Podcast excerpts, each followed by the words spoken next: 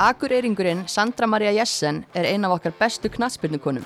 17 ára gömul leik hún fyrsta alansleikin og skoraði þá eftirminnilega með sinni fyrstu snertingu.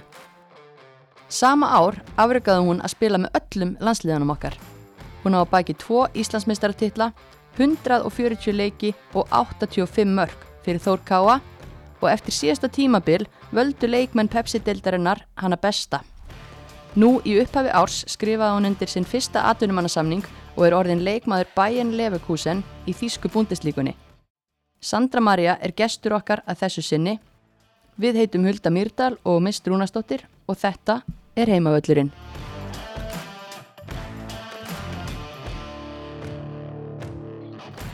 Velkomin til okkar á heimavöllin Sandra Maria og takk fyrir að gefa þér tíma til að kíkja til okkar á þegar þú heldur út í næsta fótbolltæfintýri.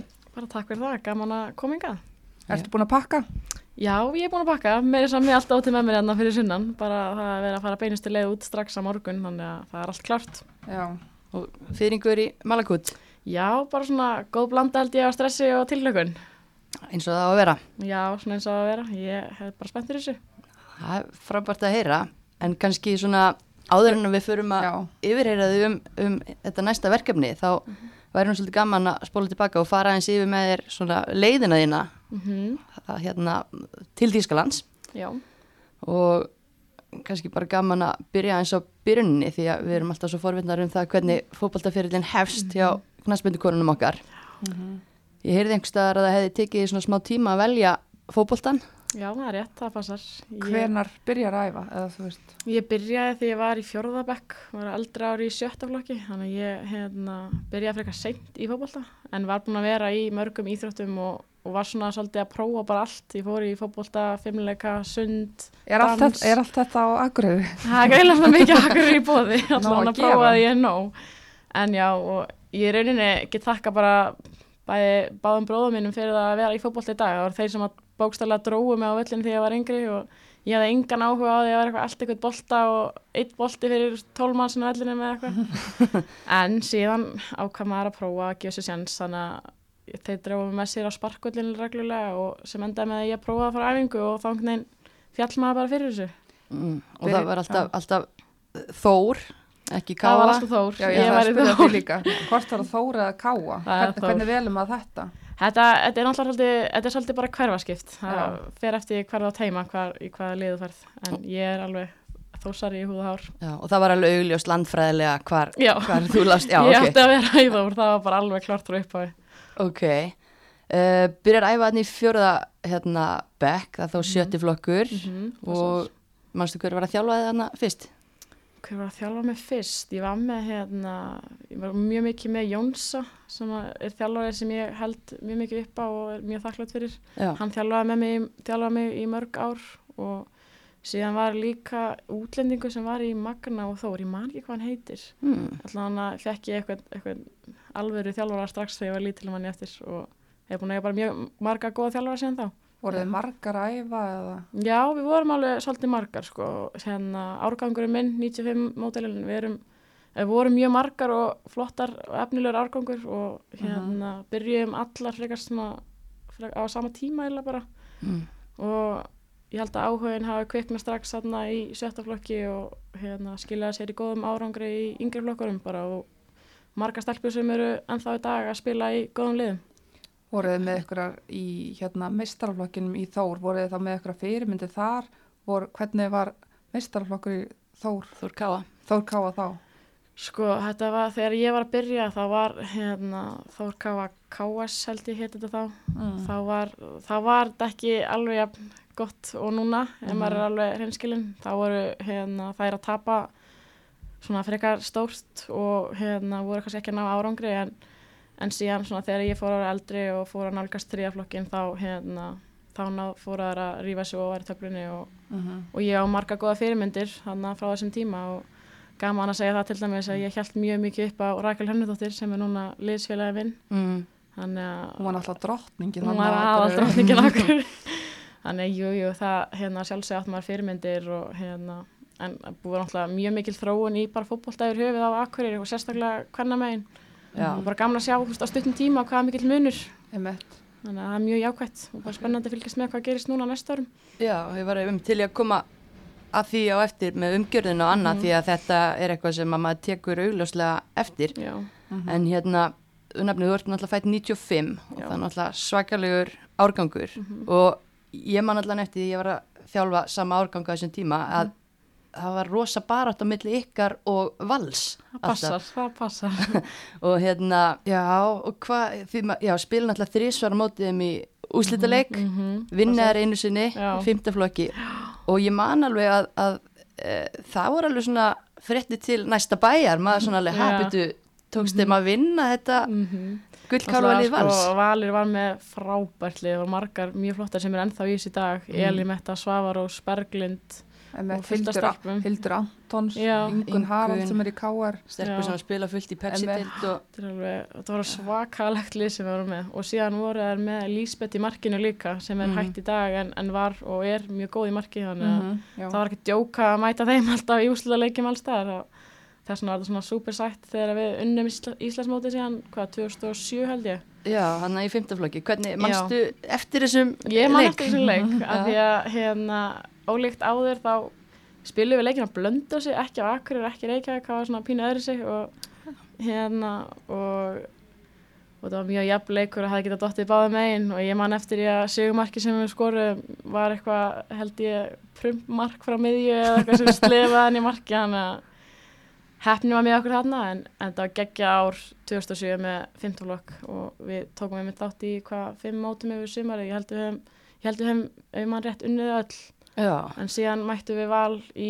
þriðaflokki og við mættum þeim í fjóraflokki og þá unnið þær þannig að þetta var alltaf svona hann á milli já milli þess að tekja liða sorry, að Já. breyttin hafi kannski eitthvað haft um það, af því að þannig er þetta sjömannabolti Mhm. og ég veit ekki hvort það voru fleiri stelpur að æfa fyrir sunnan eða eitthvað, heldur að Já. það hefði skipt máli að því að við vekst við að fara í 11 manna eða eitthvað svo leiðis Það er spurningi að, ég veit ekki, nei, við áttum mjög marga góðar flottar stelpur sko. Mm. og hérna, og alveg með þess að nokkar stelpur úr Káa sem færðu sig yfir í Þór og spiluði með okkur. Og til dæmis bara Lára Einarsdóttir sem er í Þór Káa núna. Já, hún spilaði með okkur í þriðaflokki þegar við spilum óstaleg við þær.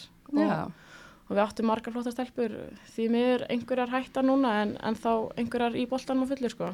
Mhm og nefnir, þú veist, uh, talar um Láru jafnöldurina sem var í Káa, Káa megin, hvernig var Káa liðið á þessum árum? Sko, þetta hefur alltaf verið þannig og er alltaf þannig á milli Þór og Káa að það eru svona árgangar sem eru annarkvæð sterkar í Þór eða Káa, þú veist, eins og Mm. okkar árgangur var frekar sterkar hjá Þór Mhm. og árgangurinn fyrir tve, tveimur árum yngri voru Káa stelpuna betri. Þannig að á þessum tíma sem að ég var þá vildu Káa stelpuna eiginlega bara ekkert spila við okkur æfingarleiki, það var alveg bara þannig. En síðan eins og ég segi, síðan kom árgangurinn á eftir okkur og þá voru Káa stelpuna betri. Mhm. Já, og einmitt, ég meina fullt af, ég meina Helena Markmaður og Ágústa Mm, Kristins, mhm. þær eru Káa megin, eða ekki? Já, akkurat, það er hellinga stelpum hérna úr Káa núna í Þórká ég, ef ég maður rétt alveg, ég sé jafnvel fleiri heldur en við stelpunar og Þór, þannig að Já, en bara góð blanda. en hvað svona, þú veist, hvernig leikmaði varstu í yngri flokkunum að, að þínu einmati? Sko, ég myndi segja að ég hafi verið til tölvert öðru í þessi leikmarin ég núna. Ég var þessi, hérna, ég var mjög hávaksinn með langa lappir, gætt skoti frá miðju alltaf allstaðar, var bara látið hlaupa út um allt. Og hérna, þegar ég var yngri þá var ég mjög mikið að láta vaða í tæklingar og var svolítið svona dörti leikmaður. Já, en sem er ekki, ekki beint minn leikstíl núna, ég er ekki alltaf í tæklingum og eitthvað en kannski hefur það líka eitthvað að segja að ég var byrjað sem varnamæður og færði mig sem alltaf ofar og ofar á völlin og mm, það eru nú meira varnamennir sem eru í því kannski núna. Já, talandi um að vera hlaupa gikkur, Mhm. bara að við fengum hérna mjög skemmtilega frá sem senda mannstu eftir leik í þriðaflokki þar sem að þú fegst einföld fyrirmæli frá þjálfarinu þínum. Já, Leikur við háká Já, það glóti sig. Já, Eh, Já, ég það er leikur sem ég gleymi aldrei og ég glóti sig um talaði um þetta einu sinni og tvisar og þrísar sinni og ég veit ekki hversu oft sko. Ég einfallega átti bara bara elda glóti sig, allan leikinn og hún mátti ekki fá boltan það var eina hluturski við til lengur ég ætti bara að hlaupa eftir henni. Skrítnasta, skrítnasta leikir sem ég spila en ég minna aldrei að gleyma hún heldur sko. Hún kallar hérna á þjálfara sér bjöggi hvað ég eiginlega að gera. Hún eldi mútið um allt þess að hundur í bandi og þá var hún sérst að tala um þig að þú hafðir bara verið að andon í hálsmálaðinni Já. allan tíman og hún er nú frekar prúðu leikmaður um glóti sem þarna var, þetta gekk, þetta fannst henni ganga full á. hún var ekki sátt, ég man eftir þessu og mér fannst þetta alveg pína óþægild, ég man eftir því það, var alveg augljóst hvað ég átti að gera í þessu leik fór ekki fram hjá nennum Var hún bara langt best þá þarna í HK? Hún var náttúrulega bara yfirbyrja leikmaður bara alveg frá unga aldri þannig að það þurfti að gera eitthvað til að stoppa hana og við vorum með mjög flott lið, með marga góða stelpur en við vildum bara loka á glótið sig og ég fekk bara það hlutverk og ég held, ef ég man rétt að held ég hef með þessu unnjananleik Jæja, þannig að þessi það, það var þannig að náði markmiðina þannig að Ég er alltaf að grípa fram þú Ég er svo spennt að, spennt að spyrja.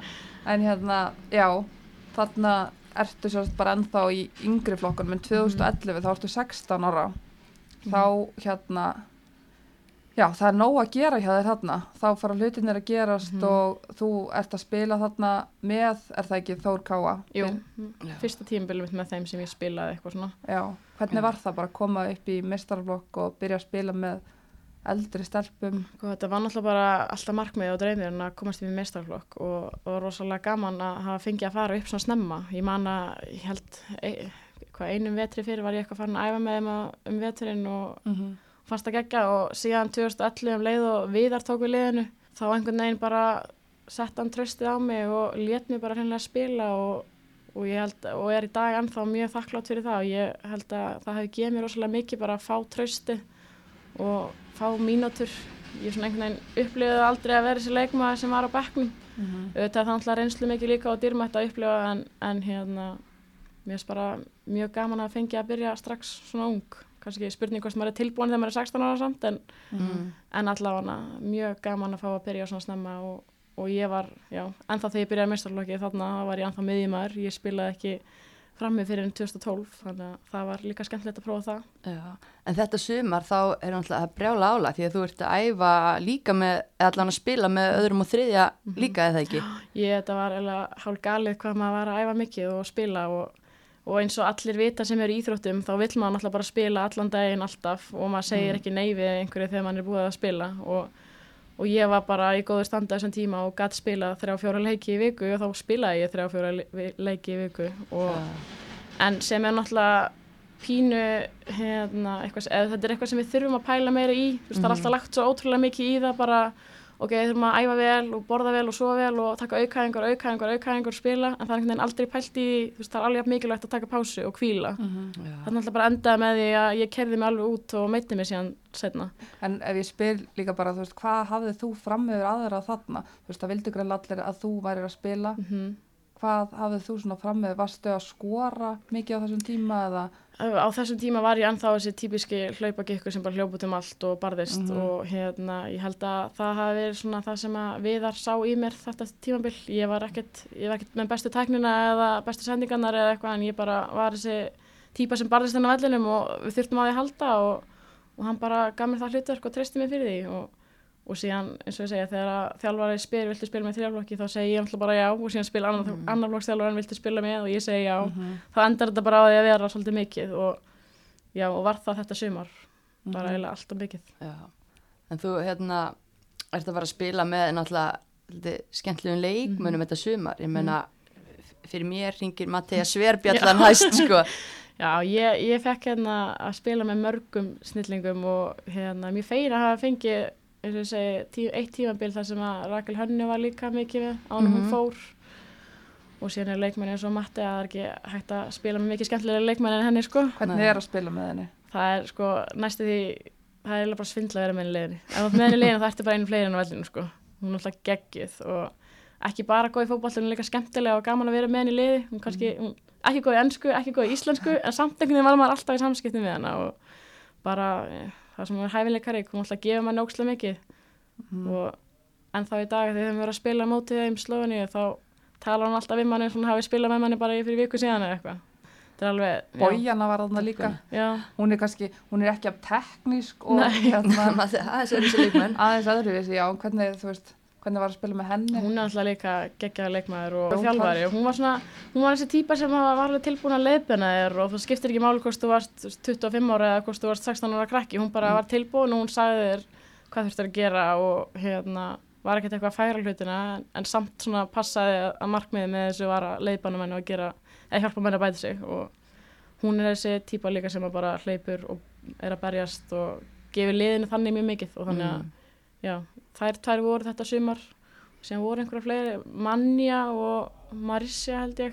Já, Þetta manni einhver- hvort það voru þarna eða, eða árið eftir. árið en- eftir. allavega þá fekk ég að spila með mörgum Geggjum. geggjum leikmunum bara á tveimur árum þegar ég var mjög ung og ég held að ég hafi grætt helling af því. Dýrmætt fyrir okkur ungu leikmenn að vera kringum leikmenn sem að gefa af sér og geta bætt með þessi leikmann En Svona þetta stóra sumar, þá hérna hefst líka landslýsferðliðin og þú ferð þarna í U17 verkefni. Já, Uh, Manstu eftir fyrstu landslýsverkefnunum? Já ég mani til þeim ég hérna fór held ég fyrsta verkefni mitt var með 95 og 96 þegar við fórum á Norðurlandamóti og spilum þannig við Þískaland ég held að það sé fyrsti landsleikurinn sem ég spilaði Já.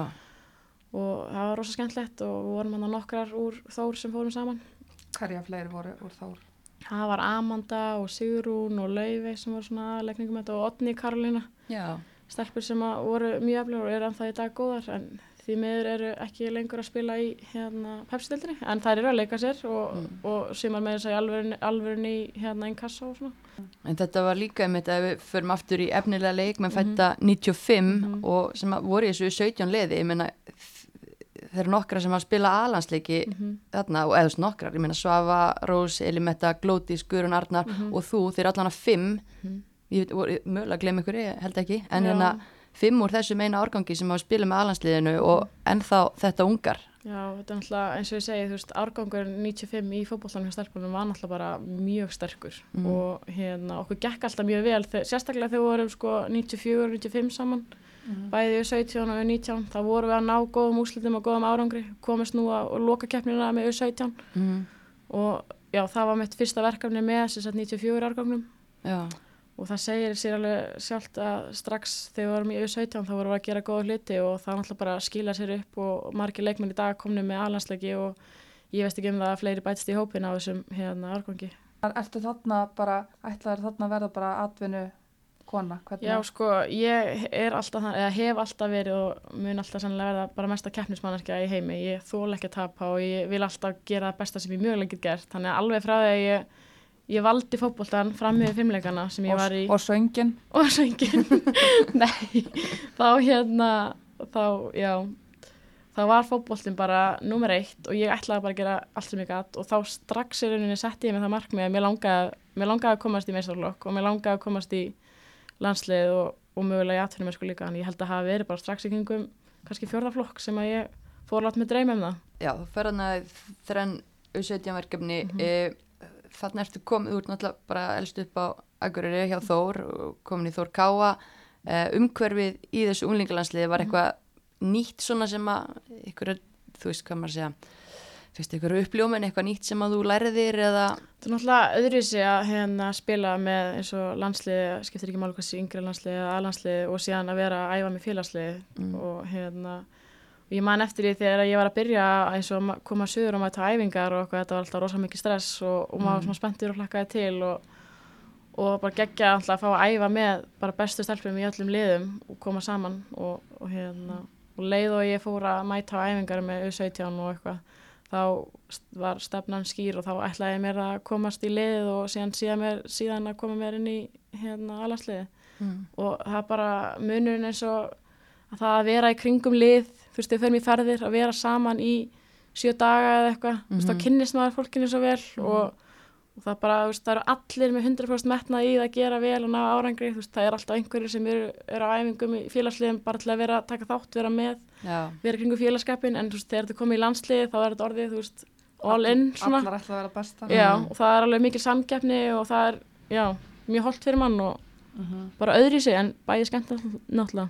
Þú var að fara í stóra árið, 2012. Já, þetta var góður smjörþefur og, og djúb lögana 2011 en 2012 það er ótrúlegt Já, það, 17 ára.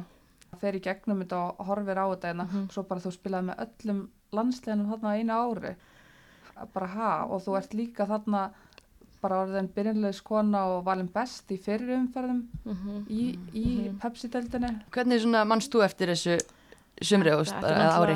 þetta, þetta ári er það sem að ég mun held ég mun alltaf mest eftir og hérna hlutinir gerðist mjög hratt hjá mér eins og ég sagði, þú veist, ég fekk snemma hérna bara sæti í liður hjá Þórkáa og fekk mikið traust og, og einhvern veginn árið 2012 þá bara blómstraði ég og mér gekk vel og þá var mér loksins hent fram. Já, og þá svona byrjaði maður að skora og, og hérna átti í rauninni fyrst bara að leysa af í einhverjum leikjum að að vantaði en, en síðan henda þetta mér bara vel og, og ég fekk að leysa þessa stöðu það sumarið og, og síðan gekk bara vel og síðan einhvern veginn held það áfram og gekk áfram vel og bara svona snjóbolta áhrif og hérna síðan bara óvænt kölluðin í landslið og eitthvað sem maður var ekki að búast við strax. Þannig að þetta ár og enda síðan á Íslandsmeistaratillinu þetta er eitthvað þetta er eiginlega bara svona draumur eða þú veist, ef maður pælir í þessu. Ef ég hefði heyrt þetta því að ég væri, var 12 ára og það væri möguleik einhvern tíma setna er það ég alltaf sagt játak við þessu ári sko. já. En einmitt, þú segir sko þér var hent fram, ef við bara tölum kannski eins fyrst um Íslandsmóti þetta sumar, Mhm. Já. það var engin að uh, búast við því að Þór Káa væri að fara að vinna titil. Nei. Uh, Ertu þess að segja með það að fyrsta sumari sem þú spilar frammi þá verður markahæst í efstu dild? Já, í rauninni sko Þannig að þú spila þarna bara frammi, þú ert ekki að spila út á kanti, Nei, eða, ég, ég spilaði á kanti, ég á já, hægri eða vinstri, Já, ég var ekki fremst sko, Ok. en, en já, ég veit ekki, ég bara ákvaði að pröfu þetta og það gekk vel og þá bara haldið áfram og, og hérna- Átján mörki, átján leikjum. Já, alveg ágætt telfræði og, og eins og ég segja, þessum aldrei getur maður hlaupið andalaust og hérna, deildin kannski ekki komin alveg jafn langt og hún er núna komin Mm.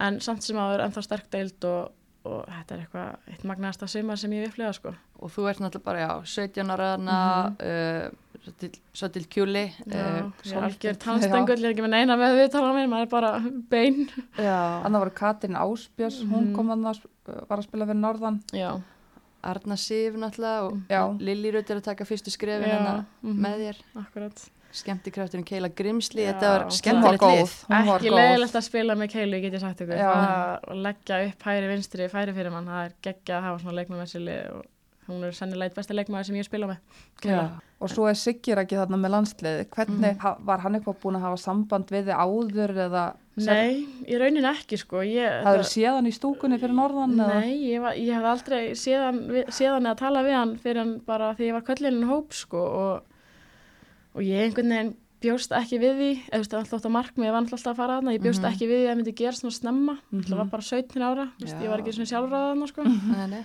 en hérna Hlynur Eiríks sem var að þjálfa mig hann árið áður, sagði við mig 2011 Mm.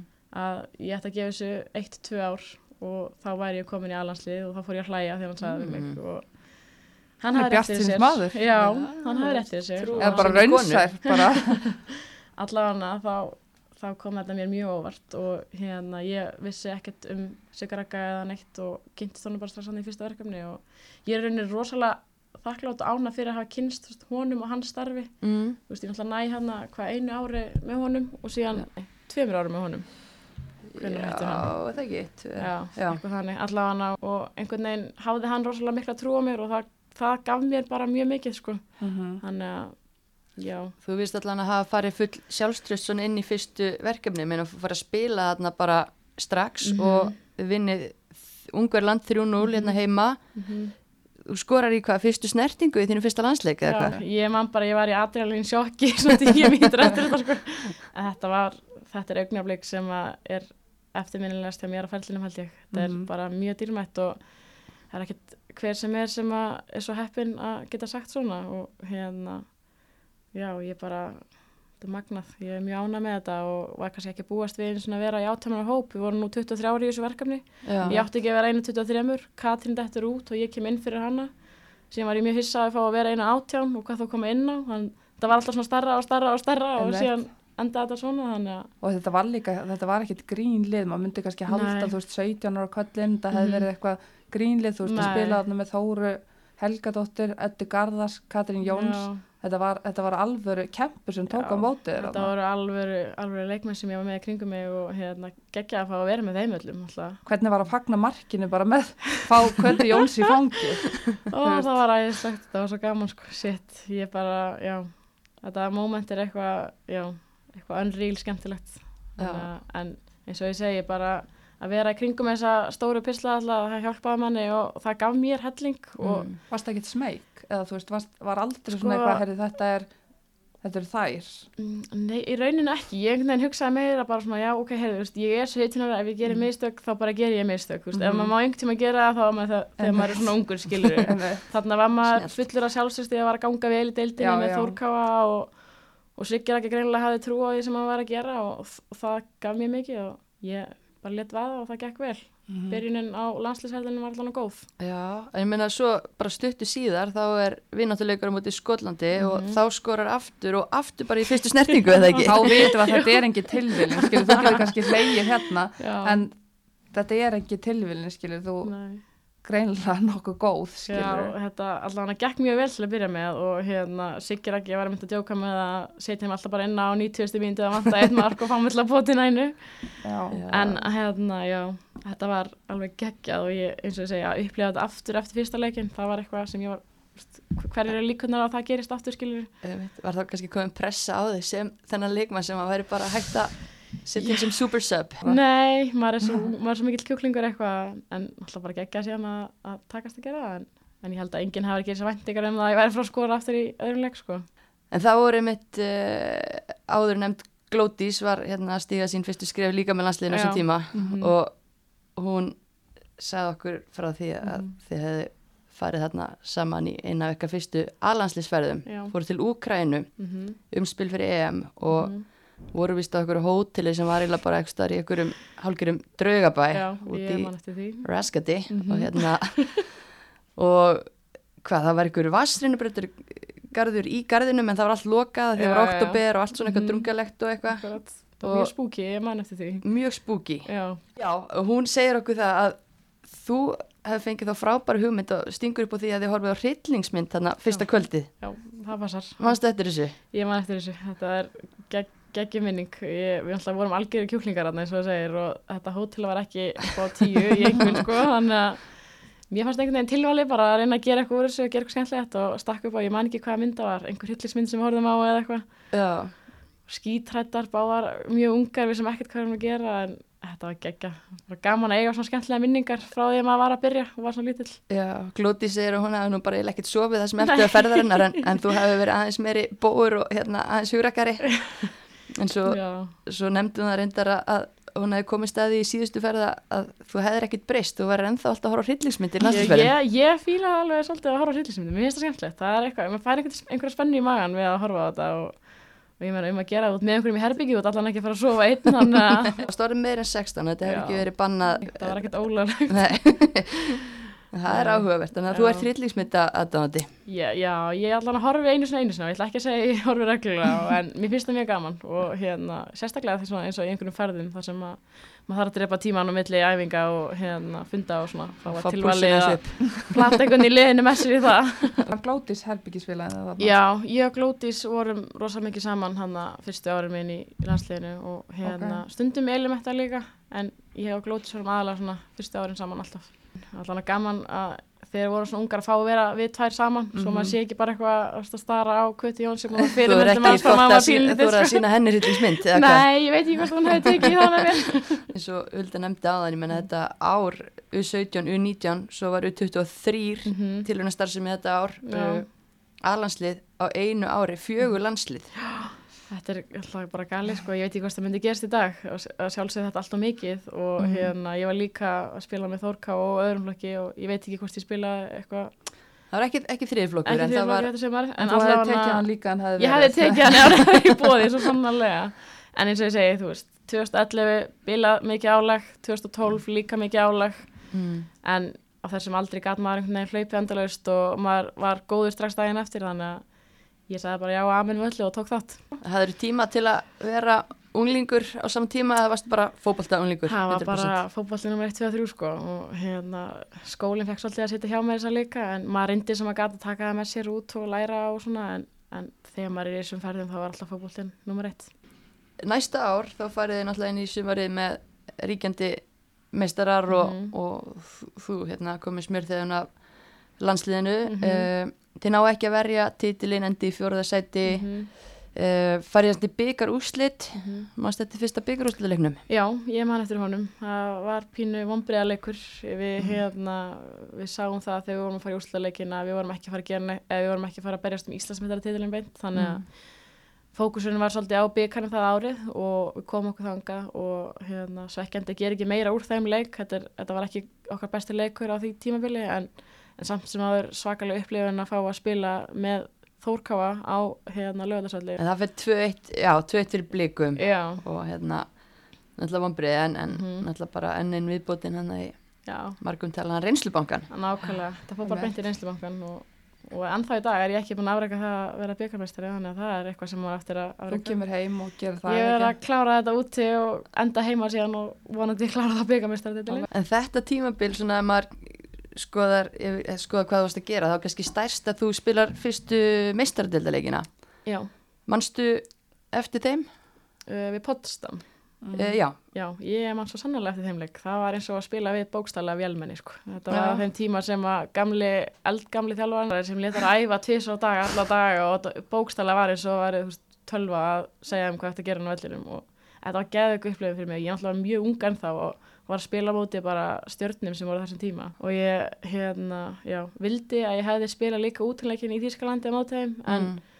En á þessum tíma, á sama tíma var verkefni með U17 og við vorum látna að velja við nokkra sem í Þórká hvort við vildum fara með U17 eða í þetta verkefni og á þessum tíma hugsaðum maður alltaf að landsliðið sé efst af öllu sko, við viljum með það. en ég heyrði mitt af því, það er svolítið sérst að Mhm. 17 ára krakkar séu látnir Mm -hmm. Velja, eða þú veist töluðu Mhm. þjálfarinnir ekkert saman gáttu þeir ekki metið hvað Ég man ekki nákvæmlega hvernig það var en ég, held, ég man allavega að loka ákvörðunin lág á okkur Mm. og við máttum í rauninu bara velja hvað við vildum og, og svona ég veit ekki hvað sem er að segja maður sjáu eftir því núna en hérna alltaf því líka upplifun að spila í mestadeldinni alveg svo að fara í hérna í yngrilagslisverkefni. eins og maður hugsa alltaf, maður vildi alltaf fá sem flesta leiki og þá var alltaf þrýr leikir í búið með landsliðinu og eitt leikum með Þorka. Spurning hvort að það hafi eitthvað spilað inn í ákvörðuna.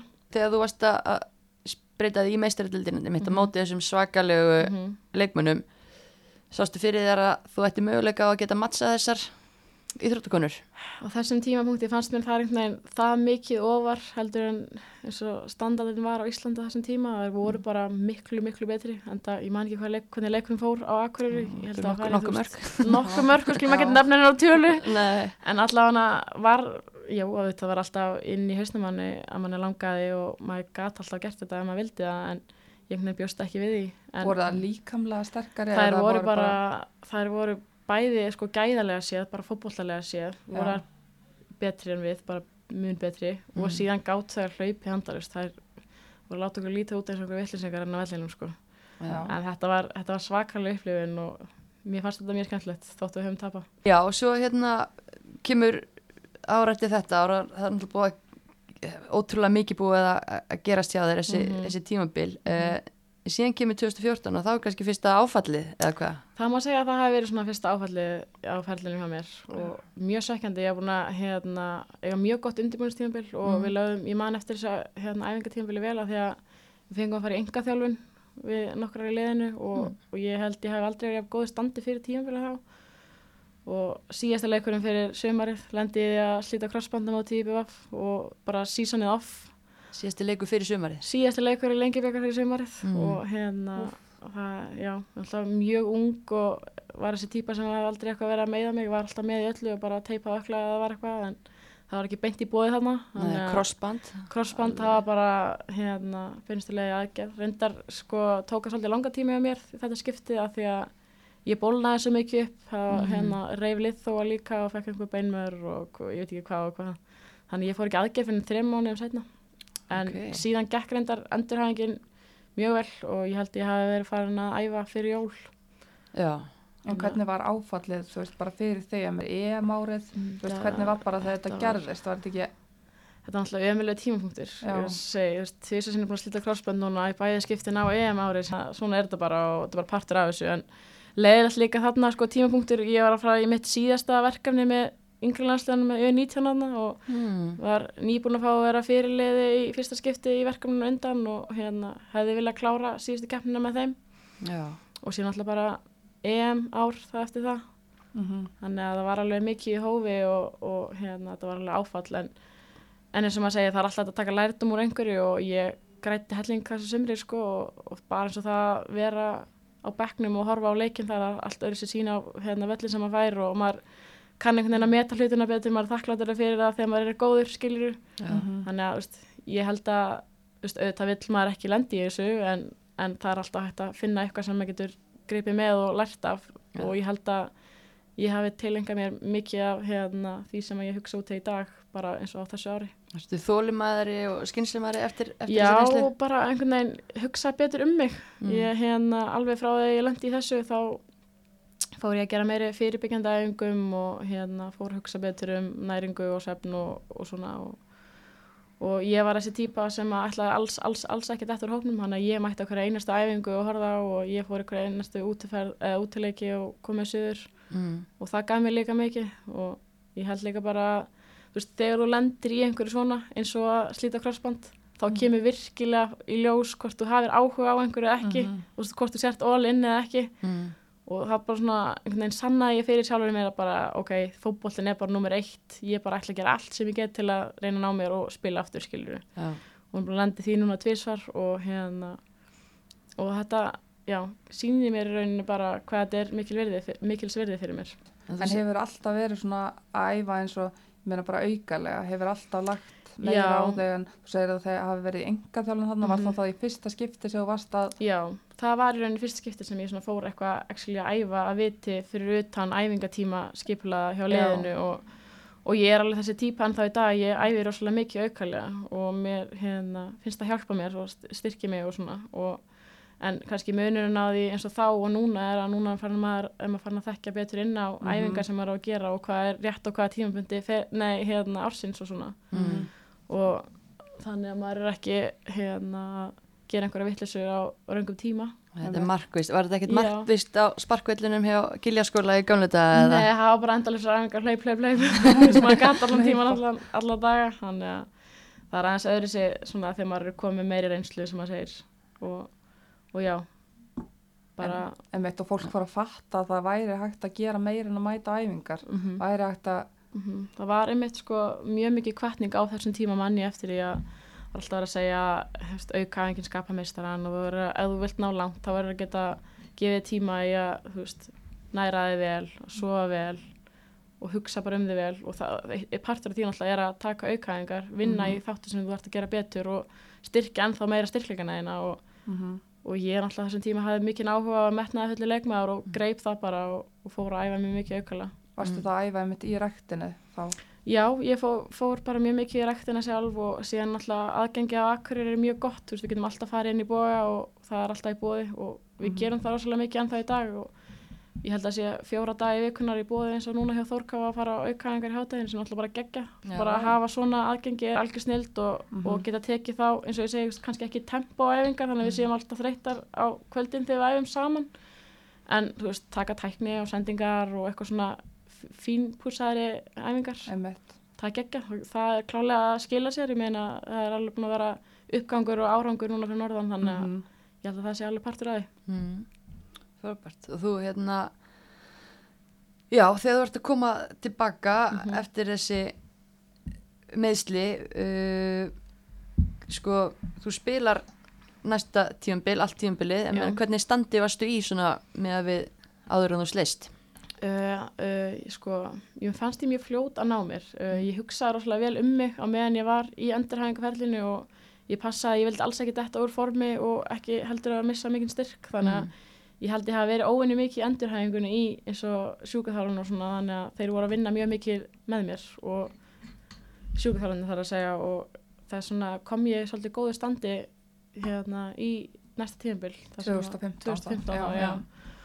Og hérna ég held að auðvitað tekur það tíma að fá tötsið aftur og hérna að fá öryggið og svona en, en ég held bara að ég hafi verið óvinni góð fljótt að ná mér eftir hérna þessi slitt og þessi aðgerð sem ég fór í var ekki líka bara skemmtilega að spila Jú, Að eins og ég segi, þú veist, maður svona, maður kann að meta meira, nýbúin að missa hvað ár úr fótbolta, Mhm. þú veist, þá svona, vá hvað þetta er gaman, fekk þessa tilfinningu aftur þegar maður Mhm. byrjaði og þangnin var maður tilbúin að leggja meira á sig og, og hérna, bara já, gott sumar. Já, og fínt sumar í ykkur því endi í fjórðasæti, Mhm. þú skora hvað 13 mörg Já, og bara svona Bara þannig að alltaf pari bara ágætt comeback ár held ég svona. já, 13 mörg, það er ágætt. það er ekkit slæmt mm. það er ágætt næsta ár það bara áfram gakk og þið endið aftur í, í fjórasæti þannig Mhm. árið eftir mm -hmm. uh, það er svona kannski búið að búið til ákveðin grunn að þessu nýja Þórkáa Mhm. liði. Menna það er komin mexikóksk eh, innrás á Akureyri. já, og svona hvernig, hvernig, hvernig var það, ég menna hérna eru Sandra Meijur og Natalia Gómez mættar. Mhm. Alltaf bara geggjaðir gæða leikmenn frá Mexiko sem við höfum verið að fá. Bara í gegnum tíðuna held ég að ég get alveg sagt að við höfum verið að fá mjög góða útlendinga til Mhm. okkar. Og það er alltaf sjálf umtala að Þórkáa sé með góða útlendinga mm. og það hefur gefið liðinu alltaf mjög mikið og, og hafa þessi snillingu svo að, að spila með söndur er ekkert, þetta er ekkert djók sko, það er ekkert Nei. leiðilt að spila með henni Hvernig fundu þér hana? Já, ég held að það er bara umbóðsmaður sem er alltaf að finna fyrir Þórkáa Það er eitthvað góður, Já, Já, er menn þetta var óplæður akkur, þú veist, ég menna það var ekki búið að vera mikið af mexikóskum Nei, leikmönnum ég er ekki frá að- þetta að hafa bara með fyrstu leikmenn, mexikósku leikmenn sem góð til Íslands Já. og, bara gullkista. og ég man eftir því að maður var smá smeykum með þetta fyrst, ég náttúrulega kom bara kortur í móta því ég fór hérna út til Leifukúsin á lán og spilaði með þeim. Þannig að ég kom og ég man ég, ég var ekkert, mér leist ekkert ofil á þetta til að byrja með. Og nein, spilaði hann ekki boltanum fannst mér. En síðan kynntist maður og þá svona já ok, hún má alveg gera þetta alveg nóg góð til að vera að gera þetta sjálf. En svo geggja skilur að fá Natalíu líka og, og Ari og Bí síðan. Þetta er, þetta er bara gæða leikmenn og ég held að hérna, deildin hafi alveg grætt líka mikið á því að fá þessa leikmenn inn í deildina. Þetta er alltaf frábærir knattbyndumenn þannig að já, gefið bara bæði þórka á deildinni mikið Já, og hérna, og þær náttúrulega, og það sem er stert er að þarna er mitt spila þær fyrsta sumarið og Ég er að læra inn á þetta. er læri náta og Já. þarna eru líka yngri stelpunnar, ég menna Anna Rakel og Andrea Miss til dæmis, ég menna Hulda Björg, þær eru farnar að spila alltaf stærri og stærri Já. hlutverk, þannig að þetta er alveg að verða alltaf góð blanda af Mhm. uppöldum stelpum og svo mjög góðum Mhm. erlendur leikmönnum sem að styrkja ykkur. Og það er náttúrulega Grunnurinn að þessu. já, ég hérna við allar sem að hefum verið að spila eins og síðasta sumar svona stærri hlutverk, við sem vorum að byrja inn á þetta eru all leikmenn sem að fengu tækifæri þegar þeir voru ungir og bara tröstið og ég held að það sé rosalega mikilvægt og eins og bara er í gangi núna í mörgum félagum á Íslandi að, að svolítið henda ungu Einmitt. okkar í bara í djúpulegina og hérna gefa þeim tröst Mhm. og, og núna eins og ég segi allir þessi leikmenn sem fengu séns ungir hjá Þórkáfa er að standa sér vel og það er búið að vera uppgangur í liðinu og, og ég held að það sé alveg stór partur að því af hverju Þórkáfa er á þeim stað sem þið er í dag og, og bara sjá eins og blikalegi fyrir þetta var þetta var mjög unglið, við mm. blikar og þórkáar bæði með mjög unglið bæði lið sem stóð sér vel og hérna ég bara vona í, á næstu árum að verði bara fleiri lið sem að þóra að gera þetta. Ja, eins og núna er stjarnan með marga unga leikmenn og það er svolítið mikil óvissa þar. Kannski það bara eitthvað sem á eftir að vera jákvæmt eftir þrjú, fjögur ár, maður veit ekki. Já, en allan finnst mér flott að lið séu fann að pæla meir í þessu að gefa þess ungu flottu leikmennum okkar sens Og treysta þeim bara trista þeim, þú veist. Við eigum hæfileika ríka leikmenn af hverju ekki að, þú veist, ra- bara gefa þeim sjansinn og treysta þeim og bara sjá hvernig gengur. Og, og síðan að hafa með þessa reynslu meiri, góði leikmenn, þessa gæði leikmenn eins og Mexikóna og Mhm. hérna eins og í Þórká bara að hafa örnusif með, að hafa Karinóa þessi mörg árið röð, til að kenna okkur til að leiðbina okkur, þú veist. Þetta er rosalega dýrmætt og ég held að besta blandan sé mitt bara að hafa unga efnilega leikmenn sem er tilbúin að læra og fórnar öllu fyrir leikinn. Mhm. Og síðan að hafa þessar eldri sem geta leiðt manni, ég held að þetta sé besta samblandan á liði. Já, það er góð balans. mm og líka gefa þeim tíma Já. ekki kippa þeim út úr liðinu. Mhm. ef það er eitt slagur leikur að láta það spila, komast inn í þetta. Akkurat, það er, það er bara þannig, þú, þegar þú ert ungur þá, þá ert að læra, þú ert að gera mistök, þú ert ekki að fara að vera stabíl yfir alla leiki alltaf, þú veist, þú þart að gefa þeim smá space til þess að gera mistök. Mm -hmm. Mistök er náttúrulega það sem það læ- læra af. Og ég segi eins og sjálf 2011, ég veit ekki hvað sem mikið að mistökum maður var að gera og ég átti ekkert góða leiki alltaf en, en bara það að ég fann fyrir því að þú veist, mér var treyst og það var, fólk var tilbúið til þess að gefa mig tíma að hérna, aðlagast kerfinu og bara erfiðari deildin ég, eða erfiðari leikjum en ég var að spila þá svona öðlast maður reynslu og smám saman alltaf verður maður betri leikmaður. Og það er alltaf að vera að tala um þetta að leikmenn sé ekki með nógu mikla reynslu þú veist, til þess að spila en ég meina hvernig að leikmenn fá reynslu eða þeir fá ekki að æfa eða fá ekki að spila þá við komin í stórt ár Algjörlega. 2017 Já, Já, en það byrjar ekki vel. Nei, það byrjar ekki vel, nei. Um veturinn þá hérna byrjar maður að heyra ykkur hérna, rættir eða norðan um að káa vilji slíta samstarfinu, Já, þessu samstarfi. Hvað hérna, ég man eftir bara, þú veist, það voru viðtöl við leikmenn og þið virtuðist allar vera bara svolítið slegnar og sjokkiraðar, mm það var eins og að það hefði ekki verið talað við ykkur. nei. Hvað hérna, getur þið sagt okkur hvað gekk á Já, þarna? sko, þetta kom bara eins og ég veit ekki hvað, allt í hennu skellir blöð tuska í andlitað okkur, allt í hennu bara á netið að, hérna, að að mögulega væri við ekki að fara að spila saman sem Þórkáða á næsta tímabil Hmm. og það var alltaf rosalega mikið sjokk og að sjálfsögðu hefði við allan að vilja heyra þetta á undan kannski Jón og Siggun er í bæ að mögulega við ekki að fara að spila saman í sumar Mm. og sem var erfitt en hérna en þegar maður horfir á þetta núna eftir, eftir þetta ár, þetta tíðanbíl þá stóðu við stelpunar mjög þetta saman og, og stjórnin og svona og ég held að þetta hafi bara þjappað einhvern veginn liðinu saman og, og einhvern veginn bara gert okkur sterkari og liðseldin var betri og,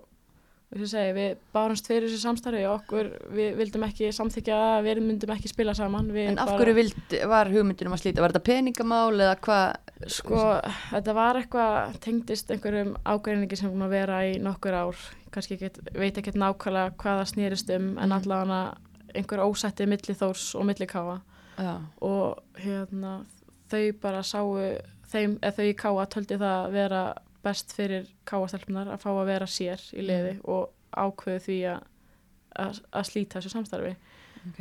en síðan þegar að kom í ljós hvað hva við vorum, það var einhugur í liðin okkar að, hérna, að spila saman við vildum ekki spila sér ykkur í lægi Mm. vildum vera með eitt gott lið í samfélag með tvö svona Mhm. allt í læli eða, eða hérna, ég veit ekki hvað Já, og við, gerðum allt sem við gátum við settum hérna mynd af þórkámerkinu og eitthvað í, á, í Facebook á, hvað þetta prófæli eða eitthvað og, já, og eins og ég segi, öll þessi viðtölu sem fórum í það sástali var alveg augljóst að við Ok. vildum ekki slíta þessu. Mm. og eðlilega akkur ætti maður að vilja slíta einhverju sem er að ganga vel? En svona eins og segi, ef maður lítir á þetta tilbaka núna þá hjálpaði þetta okkur bara að, hérna, að, standa sama við stelpunar mhm, og gott að þú veist, þau náðu samkomulega bara upp á nýtt Þór og Káa og Já. núna er samstarfið bara mjög gott. Já, og hérna, já, bara vonandi að þau það reyn, haldist þannig já, ég held að hafa nálega lært af þessu Já. og, og hérna jújú, jú, þau hefur getað farið betur að þessu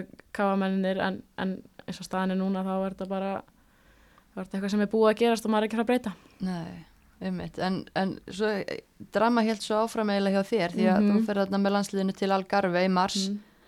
Og þá slítur þú aftur crossbönd. Já, þetta var ekki besta tímasetningin fyrir meðsli og ég fekk hérna tækifæri í byrjanleginu þessu, Mhm. í þessum leik akkurat á móti Nóri, fyrsta leikurinn Algarve og, og ég ætlaði svo sannlega að nýta með það sem þetta var EM-ár Mhm. og var búið að ganga mjög vel þangað til að ég lendi í samstöðu við leikmann í Norex og ég finn bókstælega hnið mitt fara svona 30 cm aftur og bak meira en er þessu. Þetta er, þetta er, Þetta er hræðilegt að Já, ég, þetta er af þetta. versta sem ég hef lent í sko. Allavega það var þetta rosalega mikið sjokk og hérna ég var náttúrulega bara, þetta var eina læðunum á mínu hérna ferli hinga til og, og ég náttúrulega bara svart sín, ég ár held að ég væri bara off já, og var náttúrulega bara send strax heim og það var eiginlega augljóst að það væri eitthvað alveg að Mm. það hlýtur eitthvað að gerast en nýðið, eða það hlýtur að vera eitthvað slæmt ef að nýðið fyrir svona mikið aftur og bak. Já, en hérna, síðan fór ég bara til Íslands og hitti Sveinbjörn bakninglegni og hann var eitthvað að reyna að peppa með aðeins og var í ákvæður og kom í ljósa það var sett aftara krossbandi sem var Mhm. sliti og það er ekki eins mikið að og hérna það og það væri einhverju leikmenn sem væri að prófa að spila ekki veist, eftir að hafa ekki farið aðgerð og Ok. sleppa því sem sagt og, og ég eitthvað svona, já, ok, hvað gæti ég þá mögulega náð þú veist, er einhver möguleika að ég gæti verið tilbúin eftir fjóra eða fimm mánuði, ég man ekki hvað það var. Og eitthvað svona, já, þú veist, það er sens en það er ekkert raunhæft en það er alveg hægt. Án þess að fara það í án aðgerð. þess að fara í aðgerð þá, já. Og hérna, ég bara, ok, greip þetta bara um leið og hann sagði að það væri einhver möguleiki, mm, þá bara, ok þá ætla ég, ætla ég að gera þetta. Og ég setti ógeðslega mikla pressa hjá mig mm, og ég sagði það alveg bara við alla opibert og viðkend að ég stemdi á að fara að vera með 1.23 sem færi út. Og ég vissi að ég mátti ekki við neinn bakslöfum ég mátti ekki landa inn bakslöfum til þess að ná þessu. Og ég geði allt saminsku samlega og þurfti að fórna ymsu og leggja ekki á mig og hérna í dag er ég mjög þakklátt og ánað að gert það en það skilaði því að þreim mánuðum setna var ég farin á völlin aftur að spila. Mm. Og, magma Og spila bara ennþá í dag með slítið krossbandurunni og er ekkert meiri líkur þá að slíta restina eða Nei, það voru voru vonast til þess að slitna krossbandi aftur að myndi svona festast mögulega við framlega krossbandi og styrkja Já. það Já. en maður veit það svo sem ekki nefn að fara í mynditökur eða eitthvað en, en síðan bara veist, að styrkja veðuna í kring og byggja líkamann upp þú veist, ég, finn, ég pæla ekkert í á vellinum ég hleyp bara ekkert fyrir þessu? ég, sko inn á vellinu finn ég ekkert fyrir þessu en síðan fæ ég sundum alveg vökvinn á hnið og tvisar sem lendi í það yfir þetta hnið sem er ekkert, ekki vel. En ég meina þú veist, ég er búin að slita krossbandi ég er ekki að fara að slita aftur eins og leiðilegt að það hljómar en þannig að þetta er ekkert að trubla þig þú veist, þú veist ekkert eitthvað varkár. Nei, ég einhvern veginn bæði skiptin eftir ég sleitt crossband og ég fór aftur inn á völlin þá, Mm. þá kom ég sjálfur mér óvart og hérna ég einhvern veginn bara glemdi mér í mómenti leiksins og maður pælir einhvern veginn ekki í þessu. Þegar fókusurinn er á bara leikin þá pælir maður ekki í þessu og hérna og einhvern veginn finna ekkert fyrir þessu, ég get ekkert kvarta þannig sé þetta er meira svona, þú veist, í daglegu lífi ég fyrst finn sköplungi svona hreyfast þegar að klæða mig úr skóm eða þegar að Mm. ég er að gefa mér suma hluti, þú veist, mér finnst vond að krjúpa og eitthvað.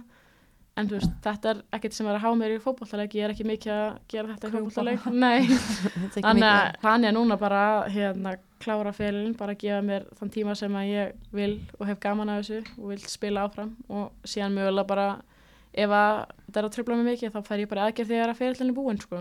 þú ert búin að vinna byggarinn með já, þegar ég er búin að vinna byggar með Já, en eins og ég segi þetta er, þetta er alveg mjög ólíkt að slíta fremra og aftara crossband en það tekur bæði rosalega mikið á og þetta voru svona tímapunktar í ferlinum hjá mér sem að ég þurfti virkilega að, hérna, að bara býta í axlinn og, og sína stugnað og elju og, og hérna þrautsegju og allt Já. og þarna, já, þarna lærði maður eins og segi ímislegt líka á sama tíma þannig að þótt maður hafi gengið gegnum ímislegt þá tekur maður alltaf eitthvað nýtt með eitthvað nýjan lærdum Mhm. Þetta er náttúrulega, já, brjála kapplöpi tíman, þú veist, Mhm. slítur í mars, móti byrjar í mæ og þú þarft náttúrulega að vera búin að Mhm. spila eitthvað til þess að eiga vera sjensa valin. þessum. EM-hóp.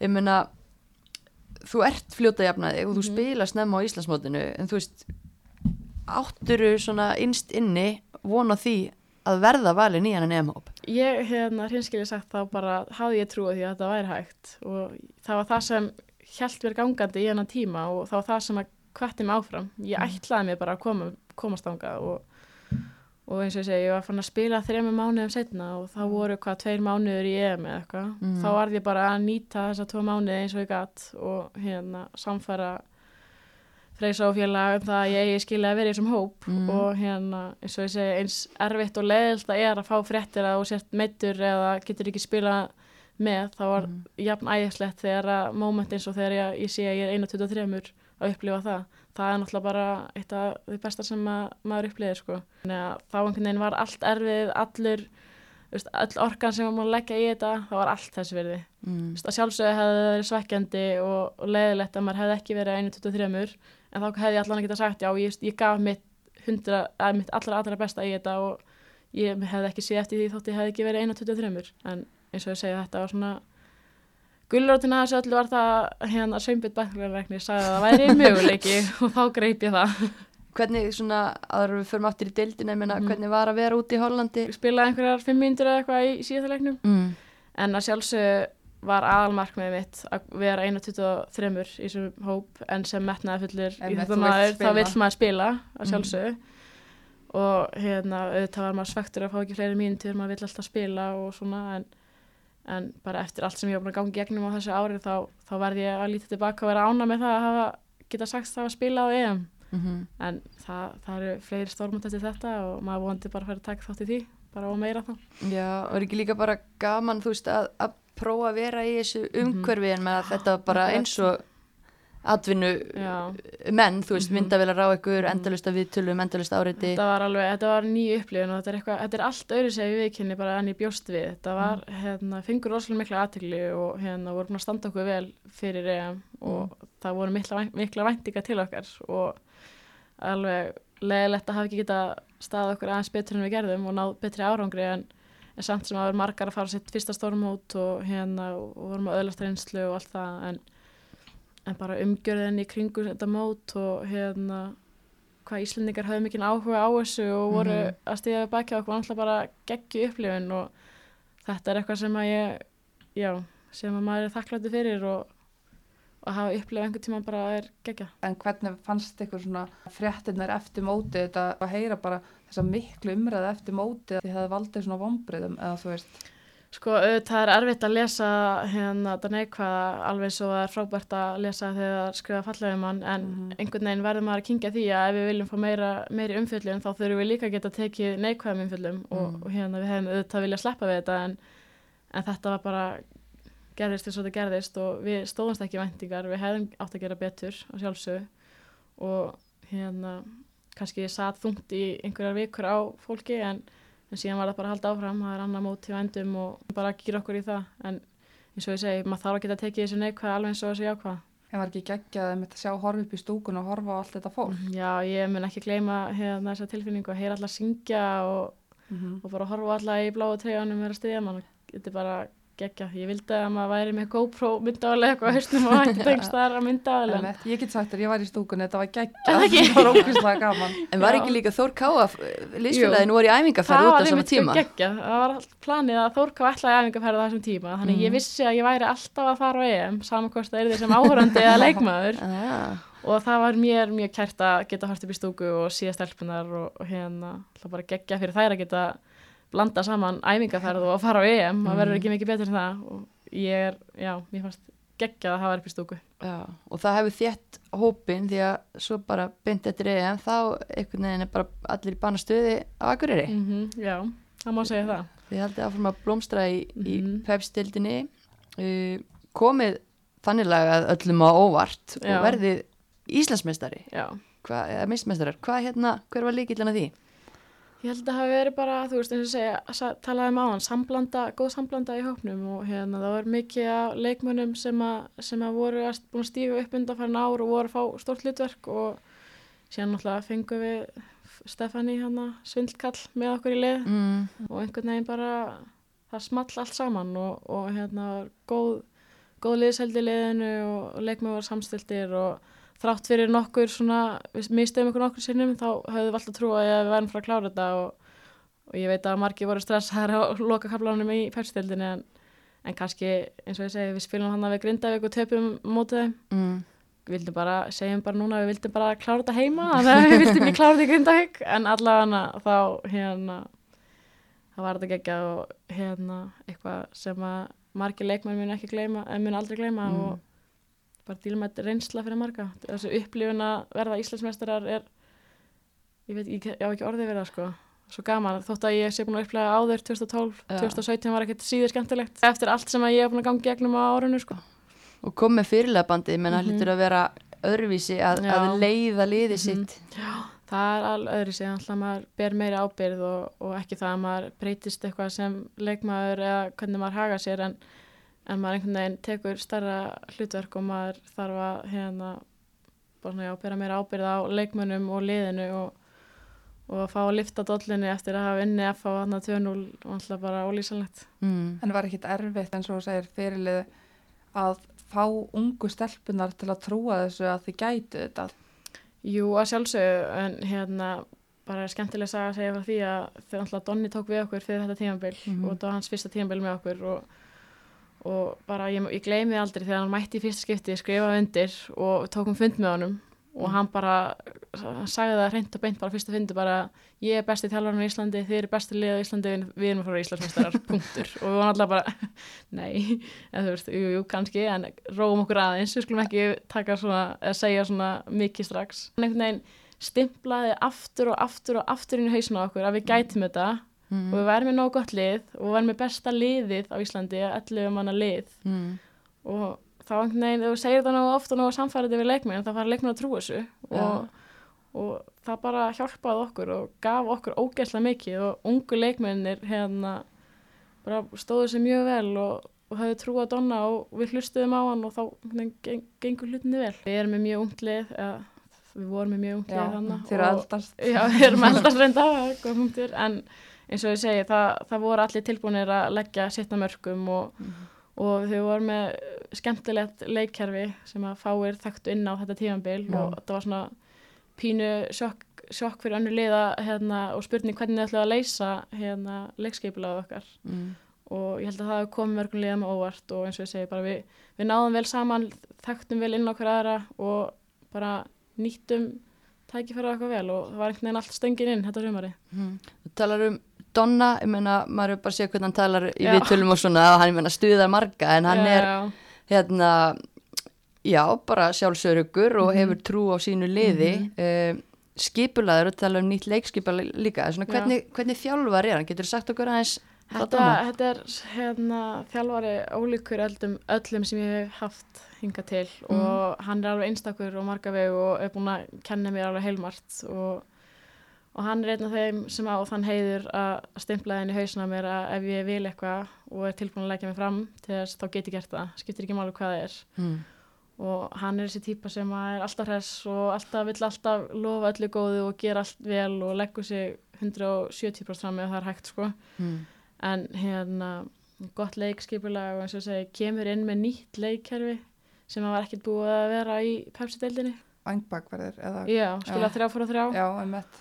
Og, og það svona, ég, ég man alveg eftir í, þegar við vorum að byrja að læra það fyrst það leist engum á það að vera bara með þrjá í vörðni ég man alveg fyrir því, ég kemur það alveg en, en síðan einhvern veginn kenda hann okkur á þetta leikkerfi og þetta mj- var mjög vel skipulagt á hann hann er hérna mhm. þjálfari sem að veit hvað hann er að segja, hann er alveg með góðan fótbollagrunn og, og kemur úr mikill í fótbollafjölskyldu þannig að hann einhvern veginn náði að hérna, náði mjög vel til okkar allra.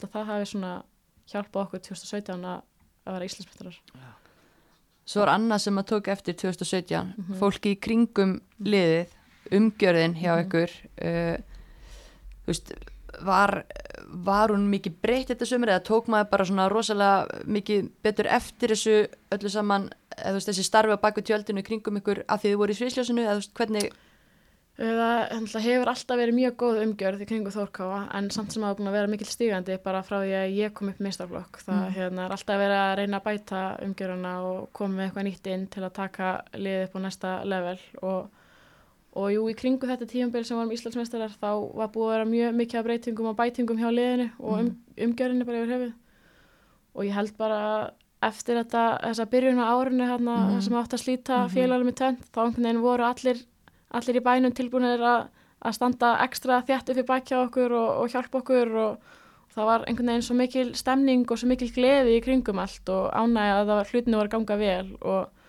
og það skapaði bara einhverja stemningu í Þórkáa sem, a, sem að við tókum inn á völlin og nýttum okkur í orku til þess að gera vel og já, það sem sem endanum bara að skila Íslandsmyndartillurum bærin einhvern veginn bara stóð allir saman. Einmitt. Það mætti fleiri taka sér þetta til fyrirmyndar, mm bara mæta Mhm. betur á leiki. Það er Já. nú kannski efni sér þátt. -hmm. já, líka bara mitt áhorfendur, skilju, það var alltaf fullt mm Mhm. fólki á þórsvelli, en það er líka bara þegar þið voru að koma í bæin og spila, Mhm. þá áttu þú oft fleiri í stúkunni heldur en heimaliðin. Ég mani mitt eftir því í 2017 hana, þegar við spiljum held ég við stjörnuna Mm. þá komu einhverjir fóreldrar að norðan voru einhverjir til útlanda og eitthvað og einhverjir tóku sér ferðsöður, helgaferð Mm og ég held í alveg að við hefum verið með fleiri, fleiri áhörundur í stúkunni frá Akureyri heldur en Mhm. úr Garðabæ og, Já.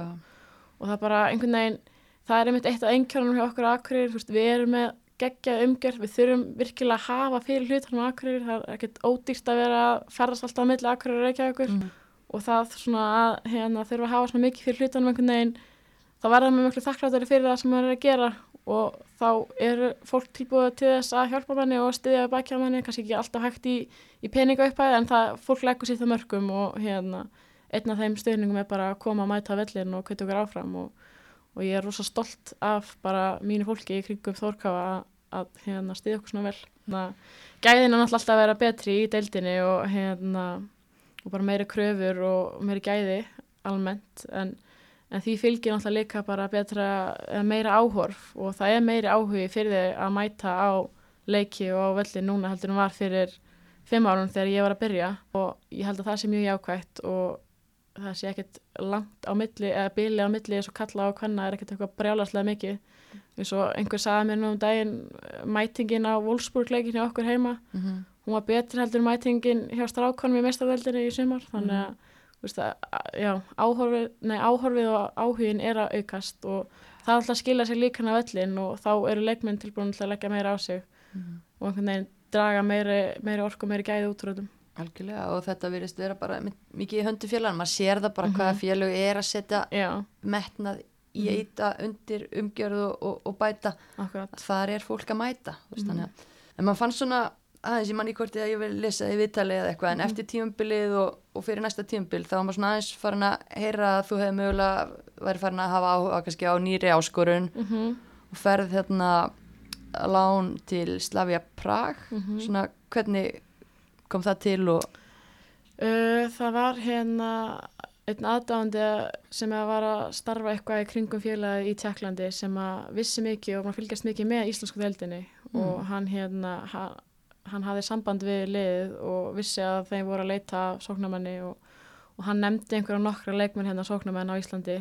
sem tillögu til þeirra okay. og það svona var byrjunin að því að þeir fóru að skoða á Íslandi og hérna þekktu náttúrulega eins og stjörnuna og voru nú að spila við stjörnuna í meistardildinu ári áður og síðan höfðu þeir bara umbóðsmaður, nei hérna hvað, hvað heitir þetta, svona yfirmaðurinn bara í félaginu úti Já, hafði bara beint samband við mig og spurði hvort væri, þetta var eitthvað sem ég hefði áhuga á að skoða og, og náttúrulega spennandi verka með framöndan hjá þeim þær voru að fara að spila við Wolfsburg í áttalega úrslutum í meistardildinu og Mhm. og eins og ég segi, mér fannst alveg svona komið tíma og aftur eitthvað, eitthvað nýtt hjá mér, prófa eitthvað nýtt og mér fannst bara tilvælega að skella mér út og, og fá smá reynslu og smá nýja áskorun og ég held að það sé mjög gott og heilgriðt fyrir alla leikmenn að að breyta til Já. og ég bara ákvaða að skella mér á tækifæri.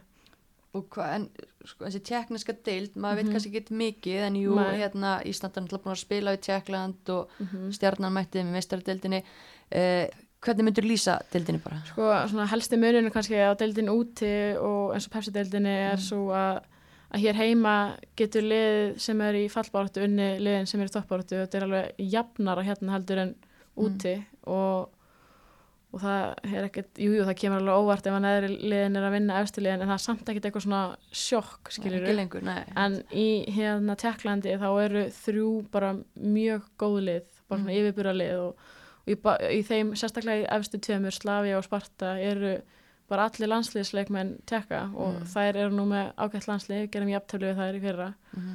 og það er rosalega mikið gæði í þeim liðum og, og þar leiðandi kannski eru þeir lið að vinna eða og Slavia og Sparta að vinna liðin sem að sitja í neður hlutanum alveg sannfærandi. Og við vorum mikið að spila æfingarleiki við þýsklið og, eitthvað svona til að undirbúa okkur fyrir hérna meistadöldaleikin og hérna fengur smá skell þegar við spilum í Þýsklandi töpum þar á móti þeim. En síðan þegar við spilum við Wolfsburg í Tjekklandi þá náðum við jafntefli á móti þeim. Mm. eftir að hafa komist eitt yfir sem segir líka alveg að veist, það er alveg gæði í Tjekklandi, Tjekklandi og hérna og, og þetta er alveg spennandi deild og svona þetta er svolítið öðri sem sem er hérna heima eins og ég segi.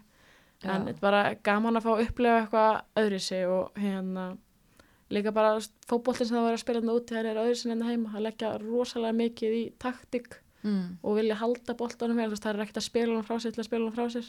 Og það er svona öðri sér leik fræði sem maður kynnist þarna og, og ég hef alveg tekið mér eh, tilenga mér margt þarna úti sko. Mm. en uh, ég held að sé bara ég held að sé bara uppbygging í Tjekklandi eins og í mörgum öðrum löndum Þetta var alltaf bara lánsamningur, átti alltaf að vera þetta lánsamningur. átti alltaf bara að Þú vissi lánsamningur. að þú væri að koma heim aftur Já, í það, það, var, það var svo niður talninga að koma heim til deildina Mm. Var gaman að vera þarna Já, þetta var mjög gaman. Hérna, svolítið erfið tungumáli, við kynna það, en ég lærði þá helstu orðin sem þurfti að nota hennar vellinum og hérna, stelpum það mjög fínar og svona. En, en það var gaman að búa í Tjekklandi og upplifa öðru sem menningu. Það er alltaf partur af þessu líka. Prag Þessu for, forréttindi að fá að fara til útlanda að búa í, í Prag, eins og segir. Geggja, hérna, geggja borg og bara skemmtilegt. Öðru, allt öðru sem menninga við erum vunni hérna heima. Það er snilt og var þá ekki menningasjökk að fara aftur á Akureyri. Nei, maður vissi hvað maður að fara út í hérna heima akkurir, þannig að ég vissi alltaf hvað, hvað ég var að fara í. Já, síðasta sumar á Íslandi, um, þú veist, þið náðu ekki að verja titilinn, þráttur kannski miklar yfirlýsingar fyrir mótið, Hva, hvað klikkar hjá ykkur? Eh, Ég veit ekki, ég bara, maður getur ekki alltaf vinni, maður, hérna, við lögðum allt í þetta og gerðum bara svona við gátum en mm. blikanir bara stóðu uppi með starkar lið og kláruðu deildina og, og það var nokkert langt á milli en hérna, ég segi, segi, þetta er bara partur af þessu.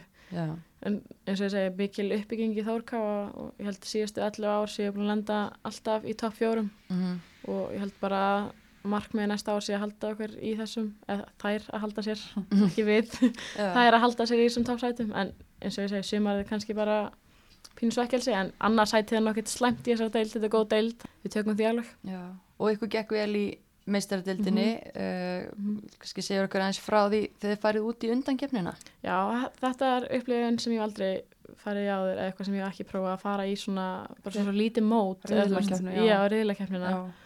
og mér finnst þetta mjög skemmtilegt og hérna, spila líka við þjóðir sem að spila ekkert við og heyrir ekkert mikið af veist, eins og Norður Írland og svona en hérna en við gekk vel og fengum ekki marka á okkur í riðlakeppninni og, og spilum bara fína leik og gerum jafntölu á Ajax sem er nú frábært lið. Það var, það var gott veganesti hérna til Íslands og bara geggja síðan alltaf vera dragnar á móti Wolfsburg, spila alveg leik Já. og það var líka verkefni sem var, var mjög gefandi og gott fyrir okkur og ekkert leiðilegt að fá allar þessar prinsessur og drottningar til Akureyrar sko. Nei, og þið eiginlega í smá basli á sama tíma, ég menna mexikosku leikmenn mátti ekki spila, voru Já.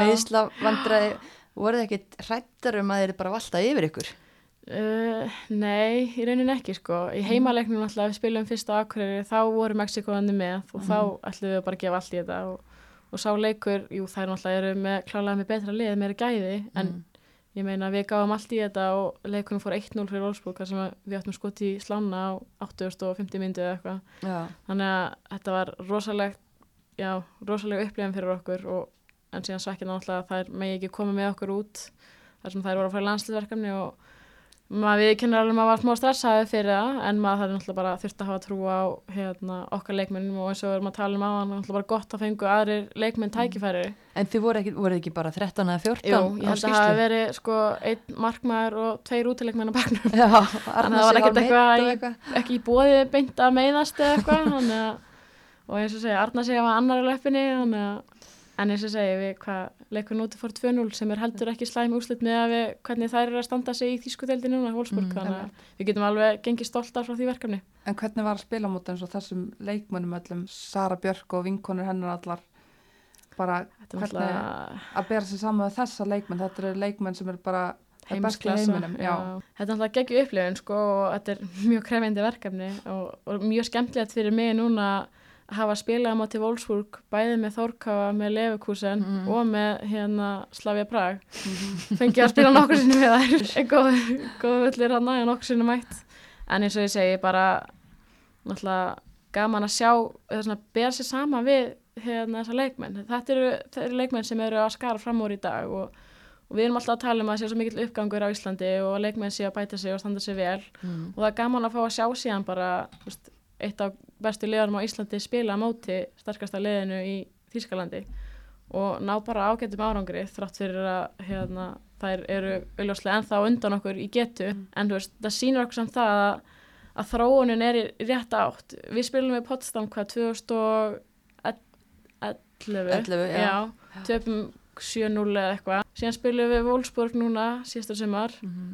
Og við töpum 1 og 2-0 Þú veist, Já. það hlýtur að vera eitthvað sem maður á að horfa og vera jákvæði með það er Mhm. þróun rétt átt og ég held bara að við eða íslenska deildir, bara Pepsi-deildin yfir höfuð sé á mjög mikill uppleið og bara gæðin alltaf verða meira og meiri þannig að mér varst mjög gaman að sjá sjá bíli á milli þeirra og og okkar leikmanni Mhm. hérna heima Þetta er bara hjá þér sjálfri Mhm. að bera það saman við, þú saði náttúrulega áðan þegar þegar mætti Potsdam að þú varst ekkert líkamlega kannski orðin Nei. sterk þá en bara núna, hvernig finnst þér þú vera Mér finnst alveg gaman að hérna, spreita mig á móti sterkustu leikmönum heims og hérna, gaman að fá eins og hlutverk ég ætla að spila eiginlega á miðju í leikjónum móti Mhm. átti einhvern veginn bara að passa Sa- Sörubjörg og vinna hana í, eða fara í návi við hana og hérna ætla bara okkar eitt besti og ef ekki besti leikmaður núna eins og staðan er á Íslandi og, og geggja að fá tækifæri að spila móti henni og, og eins og ég segi, maður heldur kannski alltaf að bylja hann á milli okkar Íslendingana sem er að spila hann heima og þessar leikmanna sem eru í heimsklassa sé mikið en, Mm. en spurning hvort að við séum komin nær en við höldum Mhm. og mér fannst gaman að sjá hvar ég stóð í samanburði við þessar stelpur Þið ljúki tímabilinu náttúrulega á þessum leikjum. mm Varstu búin að ákveða þá að þetta yrði þitt síðasta tímabil í bili á Íslandi? Ég var ekki búin að ákveða en það var hérna alltaf bara hverjað að skoða hvað var í bóði úti og hérna ég vissi að þetta erði mögulega minn síðasta leikum með félaginu og svona skrítin til hugsa núna að vera ekki að fara að spila með þeim næsta sumar, ég get alveg sagt það en hérna jú, jú, ég vissi það alveg svona, að ég var allan fann að pæla í því að prófa eitthvað nýtt. Og þú ferði þarna með önnurækja liðsfélagðinum til Mhm. reynslu hjá Leverkusen Já, og varst búin að fara þarna fyrir tveimur árum. Mhm. Varstu búin að vera í bandi við þau síðan eða? nei, ekkert eitthvað miklu, ég hef búin að tala við nokkra leikmenn, þú veist, það eru einhverjar fimm stelp, fimm, sex stelpur sem eru í liðinu núna sem voru þarna líka þegar ég var Mm. og þær voru eitthvað búin að hafa samband en, en ekkert þannig að það var eitthvað að vera pæla í að, að fá mig aftur ánga sko, en það kom bara upp núna eftir tíumbil þegar umbóðsmaður minn sagði að þau hefði áhuga. Og hvernig kem til að þið annar ekki fari báðarðangað? Okkur ekki langað að skoða að fara saman út og, og um leið og tímabilið var búið þá fer minn umbásmaður í það að skoða liðhand okkur saman og, Mm. og Það leið var okkur sem pakkadýll eða Nei, spurning hvað að reyna að gera eitthvað okkur langaði að prófa að Já. láta reyna að fara saman við vissum alveg að myndi kannski takmarka það sem er í bóði Mm. en það hefði verið gaman að prófa að fara saman og það er svona á- ákveðið að slá til og láta hann leita af einhverju fyrir okkur og leið okkur sem síndi strax áhuga og vildi fá okkur til sína æfinga og þau buðu okkur til Þýskalands og það var alltaf bara geggjað og mm. og svo upp úr því einhvern veginn þróast þetta og ég ákveða að fara þanga Ok, og annar ekki fætt til Linköping í Mhm, Svíþjóð. Já, Þannig að fekk hún ekki samning hjá Leverkusen eða hvernig? er veist- bara þetta var búið að vera draumurinn hennar í mörg ár bara þegar hún var lítil, það Mm. var alltaf Svíþjóð og hérna eins og hún var búin að segja sjálf í viðtölum á netinu að það leta ekkert endilega út fyrir að hún fara, væri að fara að vera fastamæður í liðinu Mm. þannig að hann er langað að sjálfsögja að fara í lið sem að hún myndi fá spiltíma þar sem hún myndi fá að bæta sig og, og endanum ákvað hún bara að fara til Svíþjóð og, það er alltaf bara frábært fyrir hana og við erum báðar að fara í spennandi verkefni Mhm. við förum ekki saman eins og planið var en erum allan að báðar að fara út í atvinnumeskuna þannig að það er gaman. En en einmitt, maður heyrði eiginlega bara mjög fljótlega eftir þess reynslu að hún væri að fara til Svíþjóð svo heyrði maður ekkert af þér alveg strax. Varstu, varstu að skoða eitthvað annað eða? Ég er bara svona, ég gaf mér góðan tíma eftir tímabili að hérna, velta fyrir, fyrir mér hvað væri réttast í stöðinni á þessum Mm. tímapunkti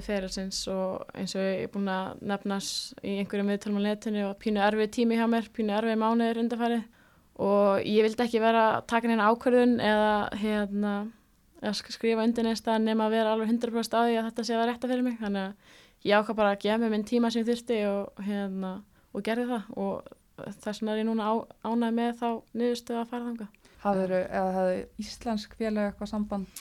Já, það var bæði áhugi hérna hérlendis og, og út líka. Og, og eins og ég segi, ég hérna lokaði ekki á neina dyrar, ég bara skoðaði allt sem var í bóði og, og endanum taldi það bara rétt skrif fyrir mig að, að fara í einhverja aðra dild og prófa einhverja nýjar áskorunar. þú talar um einmitt að síðustu mánuður hafi verið svolítið erfiðir Mhm. og, og, og hérna, kulnun í starfi, kulnun í, í fótbolta Mhm. getur þú sagt okkur aðeins frá því?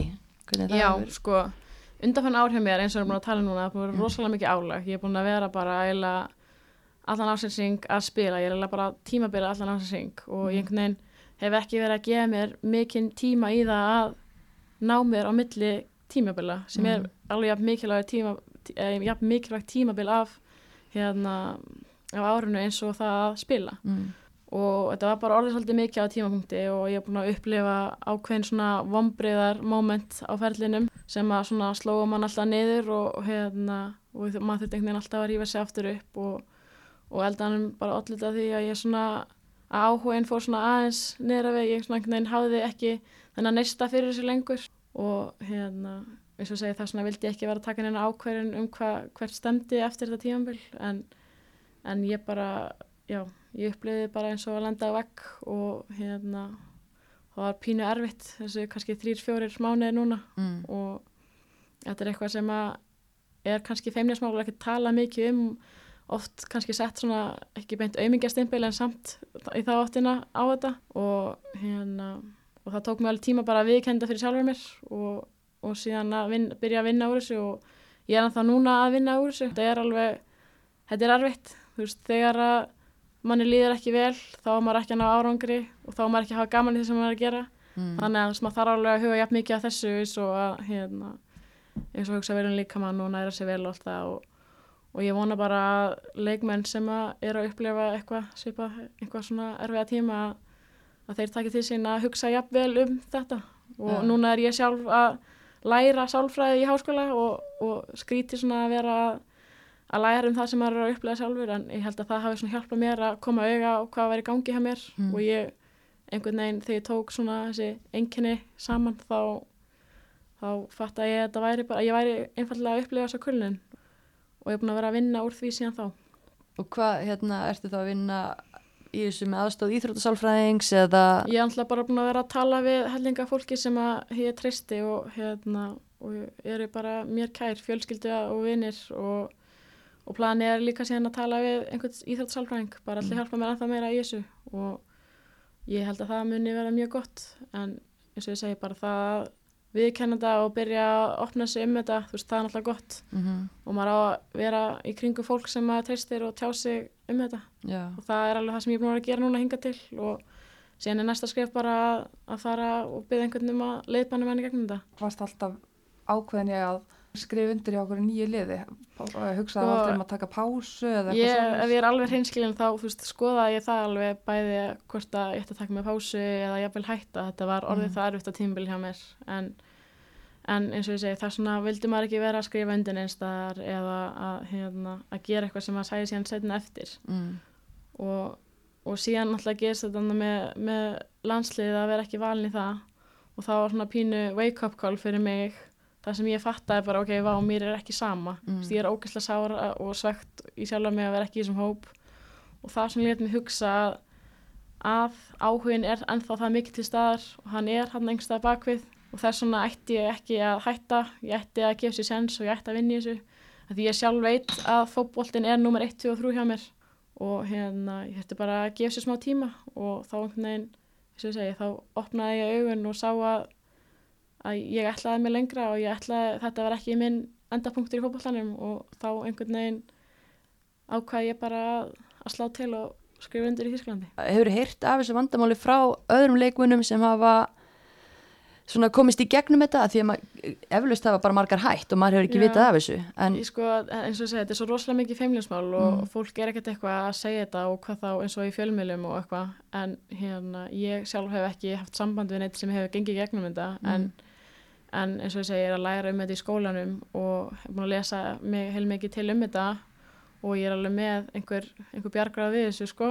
Og en eins og ég segi, það er örgulega margir leikmenn sem að hafa bara gefist upp og stoppað og ekki þóra að byggja um hjálp eða þú veist.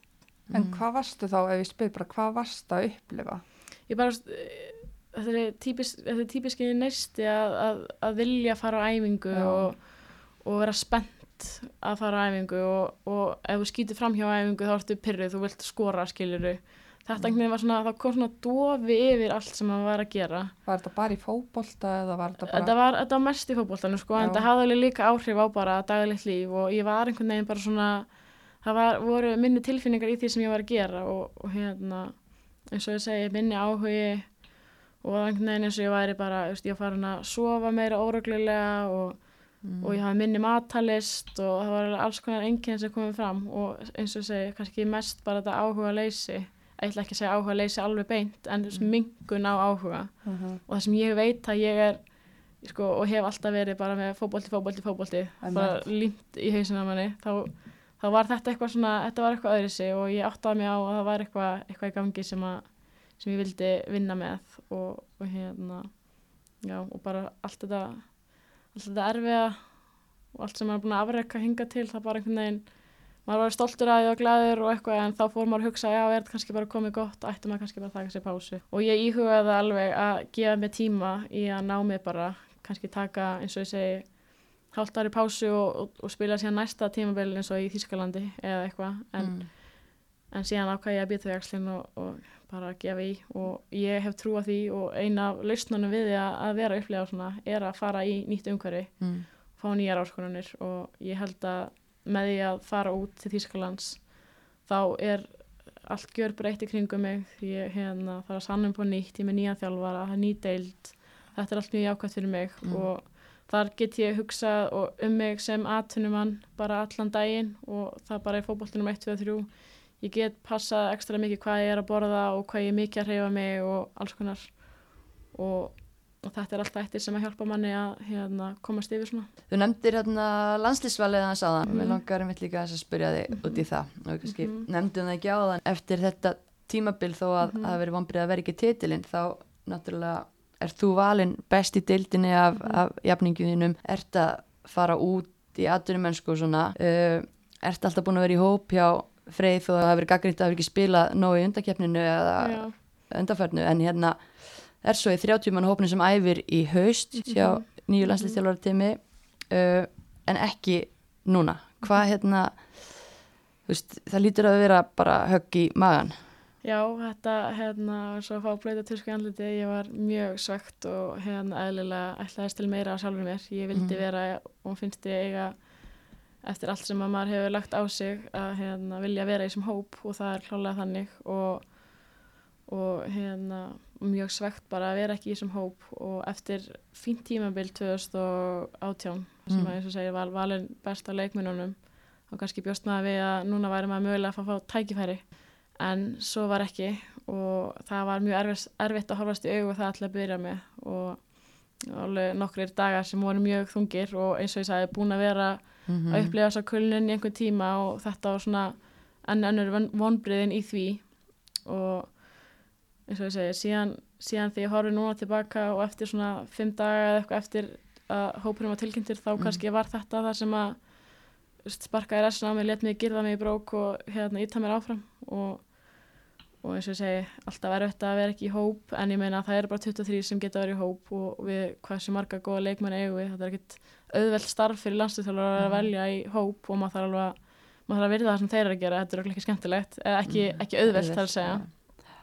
en, en ég er bara ég þarf bara að taka þessu og þetta er bara enn önnur áskorun sem ég þarf að takast á við og, og ég eins og segi það að fara til Þýsklands getur er klálega að fara að hjálpa mér að hérna, bæta mig sem leikmann og síðan þarf ég bara núna að hugsa um að mér liði vel og að ég bæti mig.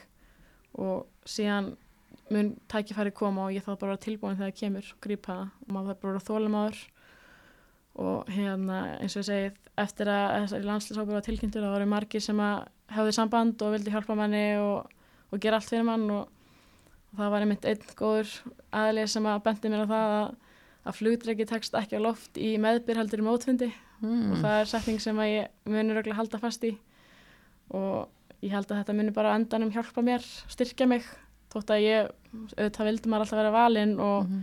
og allir metnaðfulli leikmenn eiga að vilja að vera valdir í svona verkefni Já. en sko, já auðvitað ég lærði á mér þessu eins og öllu öðru og maður það bara að reyna að finna jákvæða í hlutunum og ég ætla bara allavega að horfa þetta þannig að, að þetta er bara áskonum fyrir mig þetta er bara, þetta er annað skipt sem ég þarf að rífa mig upp á jörðinni Hefur eitthvað rætt við nýtt landslistjálfara teimi, þú veist, hvað vilja þeir sjá frá þér til þess að þú sko, verði valinn? nei, eða jú Jón Þór hringdi í mig svona viku eftir valið Mm. og hérna hann, og sagði mér svona það sem hann gæti sagt um þetta val Mm. og, og eins og ég segi, ég var búin að vera að pæla mjög mikið í því eftir þetta val hvað það var, passa ég ekki inn í leikkerfið eða Mhm. er ég ekki nógu góð í þessu eða hinu eða eitthvað og var alltaf svona að leitast eftir svörum og hérna, þeir er eðlilega nýbúin að taka við liðinu og kannski þekki geta alla leikmenn frá aðtilu Mhm. er eftir þá að, að koma með einhver rök en hérna, mér þótt allan að væntum að hann heyrði í mér hann að viku eftir þetta val var og, og það er gott og jákvæmt að hann gerði það og ég hérna ég tek því alveg vel og Já. auðvitað alltaf hefði verið gott að vita það fyrirfram á hann hópurinn var tilkynntur en Mm. það er ekki alltaf þannig og maður fær ekki alltaf sem maður vill en, en Jón Þór er búin að heyra í mér og við erum mjög góðu sambandi og ætlum að vera það áfram. Og ég verð bara, eins og segi, tilbúin vonandi þegar kallið kemur. Og ef ég má spyrja hvað þarf þetta að bæta? Ég þekk reyndar ekki x punkta, bara þetta, þetta, þetta sem ég þarf að bæta. Næ, en hérna, hann ætlar að fylgjast með og, og hann ætlar mögulega að hérna, koma og sjá einhvern leik úti og, og hann er alveg að fara að gefa mér einhverja punkta. En eins og staðin er núna þá kannski gæti hann ekki gefa mér ákveðna hluti sem að ég þetta bæta Nei. nei, ég skil það er líka bara að þú ert valin best þarna einmitt af leikmönnum mm -hmm. og hérna það eru þarna nokkrar valdnar ein hjá mokkanum, ein þarna það er svona Mhm. út um allt. Mhm. nokkra góðar en ég meina, ég- maður kíkt á tölfræðin eftir þetta tímabil viðurkenningin að fá þetta frá Já, og það er líka bara, það er Mhm. líka bara ok, viðurkenning að fá frá leikmönnum en þú veist, ég kíkja á tölfræðina Mhm. og þú ert í þinni leikstöðu efst í tölfræði þannig að það sýnir Mhm. bara að þú ert að standa þig á Mhm. vellinum, Já. greinlega að standa þig best, þú Mhm. veist Já, það var hérna, var þetta mikið sjokk eftir það eins og þú segir að hafa verið valin best af leikmennum í deildinni en ég, hérna, ég veit ekki alveg hvað það er sem að ég þarf að bæta í mínu leik en, en að sjálfsögur alltaf eitthvað sem að þarf að gera betur og ég þarf bara að reyna að vinna í þeim og vonandi fæ einhver nákvæmari svör með það en svo ég segi, þetta er bara eitthvað sem þeir ákveða og maður þarf bara að trista því að það er einhver ástæða bak við þetta og, Mm. og hérna Ég, ég skal senda hann tölfræðina. Já, ég var reyndalega til í að sjá þessu tölfræði en eins og ég segi, þú veist ógæslega erfitt og leðilegt og þetta, tók mjög mikið á ég er alveg hinskilin með það Mhm. en hérna ég þarf bara komast gegnum þetta og ég þarf bara sanna mig aftur og vinna mér inn sætt í liðinu og, og vonandi næ ég að gera það með að fara út maður verður að halda í vonun og trúa því Já, og þú ert náttúrulega bara mitt á leiðinni út á morgun sem Já. verður þá fyrir nokkru dögum væntalega þessi þáttu fyrir loftið Já. en hérna uh, þú veist markmiðin þín með því að fara ánga þú veist, Mhm. þú ert búin að nefna náttúrulega þú þart nýja áskorun Mhm. og ert að fara að spila á, á hæri standard uh,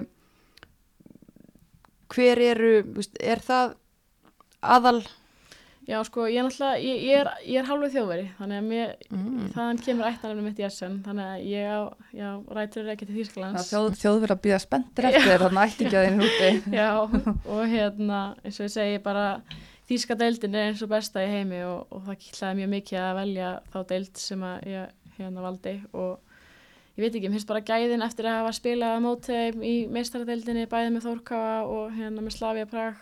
Mm. Þetta er bara geggjur deild með góðan leikmennum í og ég held að þetta sé umhverju sem getur hjálpa mér að blómstra og gera, bæta mér bara þessu leikmann og, og svo ég segi bara, það er líka vera að fara að búa einn í útlunum, það er líka alltaf bara geggja, ennur Mhm. menning og, og aðra áskonur er bara það að lifa einn úti sko Já.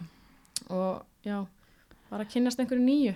Og liði sjálft uh, getur sagt okkur aðeins svona Já, frá því alltaf búið að vera rosalega mikla breytingar frá því að ég var aðna 2016. Mhm. Þær hérna fjallu niður og voru að koma aftur upp núna í búndisleikuna mm. og hérna þegar þær fjallu þá fóru mjög mikið að leikmennum þannig að það eru bara 5 eða 6 leikmenn sem að voru með mér þá okay. og núna er þetta svona meira yngri leikmenn sem eru að stíga upp og eru aldnir upp, upp hana í kringum kringum leikúsin og, og þetta er bara mjög mikið hungur í leikmennum og þessi leikmenn eru tilbúin til þess að læra og, og hérna eins og ég man svo eftir þegar við Rakel fórum að æfa með þeim úti og þjálfarinn laði svo rosalega mikið í það að væri lægi að gera mistök og eitthvað og Mm. svo lengi sem við bara myndum læra því og eitthvað og það er bara mikill uppgangur í liðinu og það eru held ég fimm, hérna, erl, nei, fjórir eða fimm erlendi leikmenn með sem að hérna, styrkja liðið og, og þetta er bara mjög spennandi, ungt, efnilegt lið og, og ég verð áfram með þeim eldri í liðinu svona eins og hérna heim í Þórkáa undan hvern ár. Ung en gömul. Ungir samt gömul. En já og hérna vonandi bara fæ ég líka hlut, stort hlutverk þar og get hjálpa til með að hérna, leiðbenna og, og bæta lið og veistu svona hvað, einmitt, hvernig þjálfarin er að hugsa þið inn í hópin ég menna ertu, þú veist, byrjunulega er það raunhæfur? Já, ég held að hérna, ég held að ég líti á mig sem leikmann sem er alveg að fara að spila og þau voru mögulega að tala um það, veist, hvort ég að spila mig sem kantmanni eða hvort ég að spila mig sem framherja. En allan að mun ég vera á þessum fremstu þremur stöðum og vonandi bara fá hlutverk, stórt hlutverk, ég ætla að vill spila, ég er farin út til að bæta mig. Mm -hmm. en samt sem áður vill ég heldur ekki, heldur ekki hafa þannig að það sé bara svona lappin lið, maður vill þurfa að hafa fyrir hlutunum. Samkeppni er náttúrulega mjög jákvæð og mjög mikilvæg til þess að hérna standa sig vel mm og bæta sig. Og, og ég fann það bara á æfingunum út að rosalega mikil gæði í þessum hérna stelpum og tempóð á æfingum var geggjað. Þetta bara, ég held að allar æfingarnar úti séu einmitt bara eins og bestu æfingarnar hérna á Íslandi. Já og þið eru að fara, ég menna lið er að koma upp, þið eru í fallbaróttu núna þegar ekki Mhm. þau kemur inn í þetta verkefni ég held að liði sig í níunda eða tíunda sæti af tólf Já. og hérna þetta er bara rosalega jamt á milli eða stutt á milli liða í neður hlutunum mm. og þetta var erfið barða og veist, við gætum, gætum lent veit ég hvað er sjötta til tólta sæti líka við sko það já, er það stutt á milli og, og klálega alltaf bara eða aðalmarkmiði var alltaf að halda sér í deildinni bara en, mm. En sem metnað fylgir íþjóttamæður vill, og íþjóttalið þá vill, vill maður alltaf gera vel og gera meira og, klálega markmiði að komast ofar í töflinu við erum núna og hvað gerir langan samning? Ég gerði samning út 2020 tímabilið, þannig að í Ok. rauninni klára ég hérna setni hlutan þessu tímabili, Mhm. kem síðan heim, pásu í sumar og spila síðan heilt tímabili viðbútt. Þannig að- og þú ætlar að slaka á í sumar Og ég ætla að slaka í sumar, já, ég Bara ætla að gerðu það hugsa fyrir um mig. Sumafrí í fyrst skipti sem maður var, síðan maður var lítill, þannig að það er kærkomið. Ég ætla að hugsa mjög vel um mig og byggja mig upp andlega og líkamlega þá. og væri ekki gaman líka bara að gera eitthvað annað fara í útilegu eða eitthvað Hefur farið í útilegu? Farið hvað er það?